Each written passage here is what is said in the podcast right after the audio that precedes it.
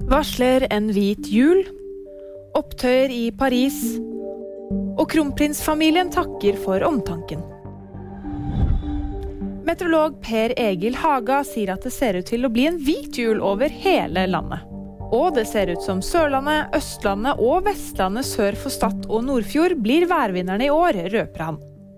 Her byr julaften både på rolige vindforhold, oppholdsvær og muligheter for å se sola. Mens nord i landet blir det mer snøvær. Det har oppstått voldsomme opptøyer i Paris etter angrepet som krevde tre liv tidligere i dag. Angrepet skjedde i nærheten av et kurdisk kultursenter. Nå tar kurdiske demonstranter til gatene for å protestere mot det politiet mistenker er et rasistisk motivert angrep. Ifølge en fransk avis bruker politiet tåregass mot demonstrantene.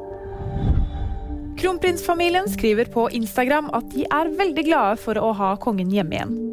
Kong Harald ble denne uken lagt inn på Rikshospitalet med en infeksjon, men ble utskrevet onsdag.